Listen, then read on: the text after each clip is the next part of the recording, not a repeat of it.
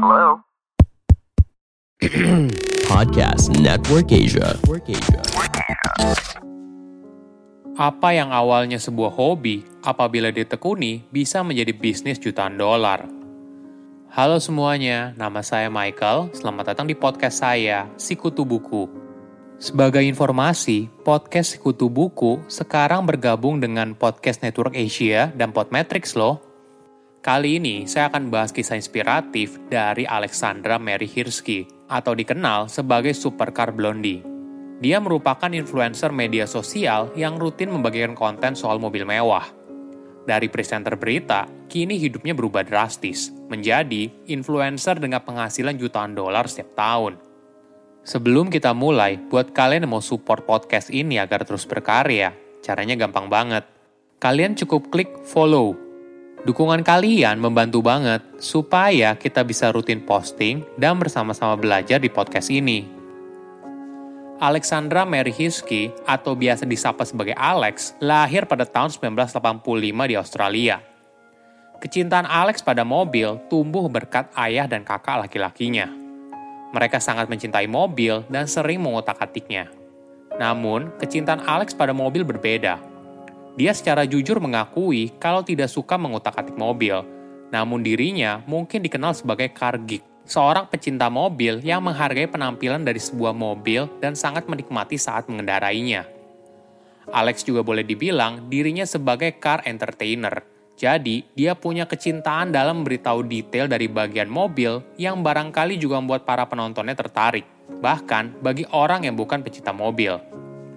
Namun perlu diketahui, Alex tidak dilahirkan dalam keluarga yang kaya. Ayahnya juga bukan pemilik perusahaan mobil. Dia dibesarkan di sebuah kota kecil di Australia, jadi sulit menemukan mobil mewah di sana. Saat itu juga belum ada internet. Alex hanya berkeliling dengan mobil ayahnya dan tidak tahu kalau ada mobil mewah. Dia pertama kali melihat mobil mewah saat usianya 15 tahun – saat itu, dia pergi liburan ke Amerika Serikat dan pertama kali melihat sebuah limosin. Pandangan pertama langsung buat Alex jatuh cinta. Sejak saat itu, dia punya mimpi suatu hari akan memiliki mobil mewah. Ketika Alex masuk SMA, dia pindah ke kota besar. Di sana, barulah dia mulai melihat banyak mobil mewah dan jatuh cinta pada Bentley Continental GT. Mungkin ada yang penasaran, apa mobil pertama supercar Blondie? Ternyata jauh dari mewah, mobil pertamanya adalah Mitsubishi Lancer. Mobil itu juga bekas saudaranya dan sudah berkarat. Walaupun begitu, Alex tidak peduli. Yang jauh lebih penting adalah sebuah kebebasan saat mengendari sebuah mobil dan bisa pergi ke mana pun yang kau mau. Alex pun melanjutkan kuliahnya di bidang jurnalistik dan bekerja sebagai pembaca berita. Dia pun sempat berpindah negara dari Singapura hingga terakhir ke Dubai, di mana Alex punya acara radio sendiri selama lima tahun. Salah satu keuntungan menjadi jurnalis adalah kamu bisa datang ke berbagai acara seperti peluncuran mobil dan sebagainya. Hingga suatu hari, seorang perwakilan dari Bentley bertanya kepada Alex apakah dirinya tertarik untuk meminjam mobil mereka selama akhir pekan. Tentu saja tawaran ini langsung diterima, Alex dipinjamkan Bentley Flying Spur dan inilah pengalaman pertama kali dia mengendarai mobil mewah. Alex langsung berpikir, ini seperti mimpinya dulu, bisa mengendarai berbagai mobil mewah. Jika Bentley saja bersedia meminjamkan mobil kepadanya, bagaimana dengan produsen mobil yang lain, seperti Ferrari atau McLaren? Alex pun sangat bersemangat dengan idenya. Dia lalu mulai menghubungi berbagai produsen mobil mewah Hingga akhirnya, McLaren bersedia meminjamkan mobil McLaren 650S. Saat awal memulai sebagai content creator, Alex hanya punya 300 follower di Instagram pada tahun 2015. Dia bercerita, selama tiga tahun pertama, hanya Alex dan suaminya yang bekerja keras membuat konten. Mulai dari mencari bahan konten, merekam, mengedit, dan sebagainya. Alex ingat saat itu ibaratnya hampir tidak ada hari libur. Itu merupakan momen yang sangat brutal. Tapi setiap kali dirinya berkesempatan untuk mengendarai mobil mewah, Alex sangat menikmatinya dan teringat betapa beruntung dirinya. Bukan hanya itu, saat awal membuat konten soal mobil, video Alex tidak mendapat tayangan sama sekali. Namun karena pengalaman ini sangat berharga bagi Alex, dirinya terus merekam dan menciptakan konten tanpa henti. Jadi, itulah yang dilakukan di awal. Alex menjalani dua pekerjaan secara full-time. Pertama, sebagai pembawa acara radio, dan yang kedua, sebagai content creator.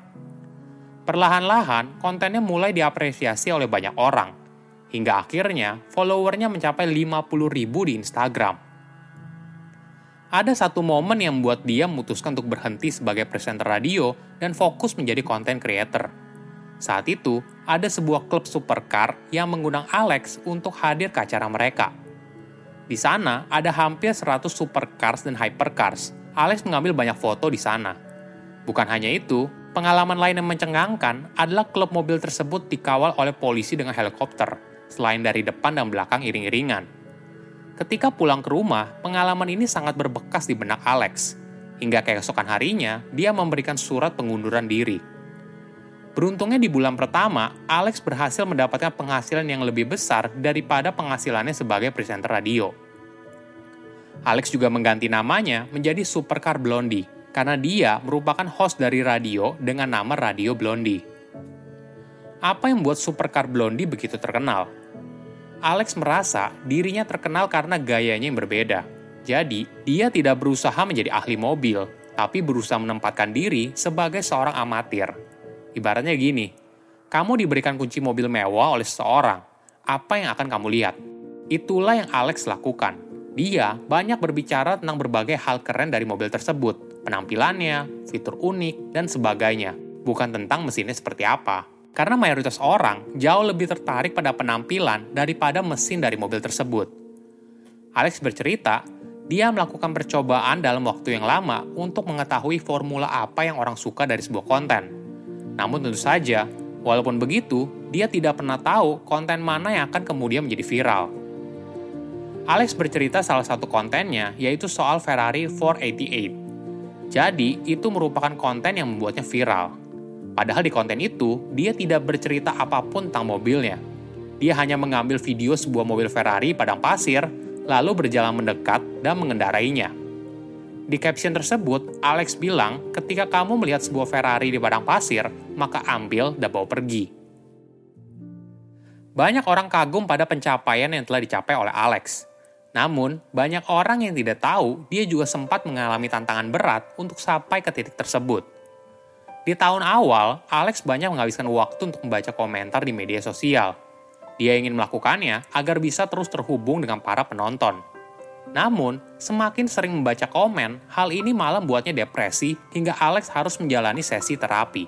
Dia banyak menerima komen negatif seperti dirinya bodoh, dia tidak pantas mereview mobil, dan sebagainya. Maklum saja, mobil dari dulu dianggap sebagai klub laki-laki, apalagi klub mobil mewah.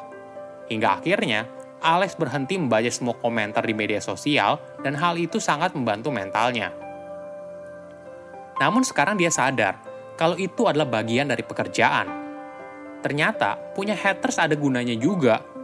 Jika kamu tidak punya, berarti apa yang kamu lakukan sama seperti orang lain.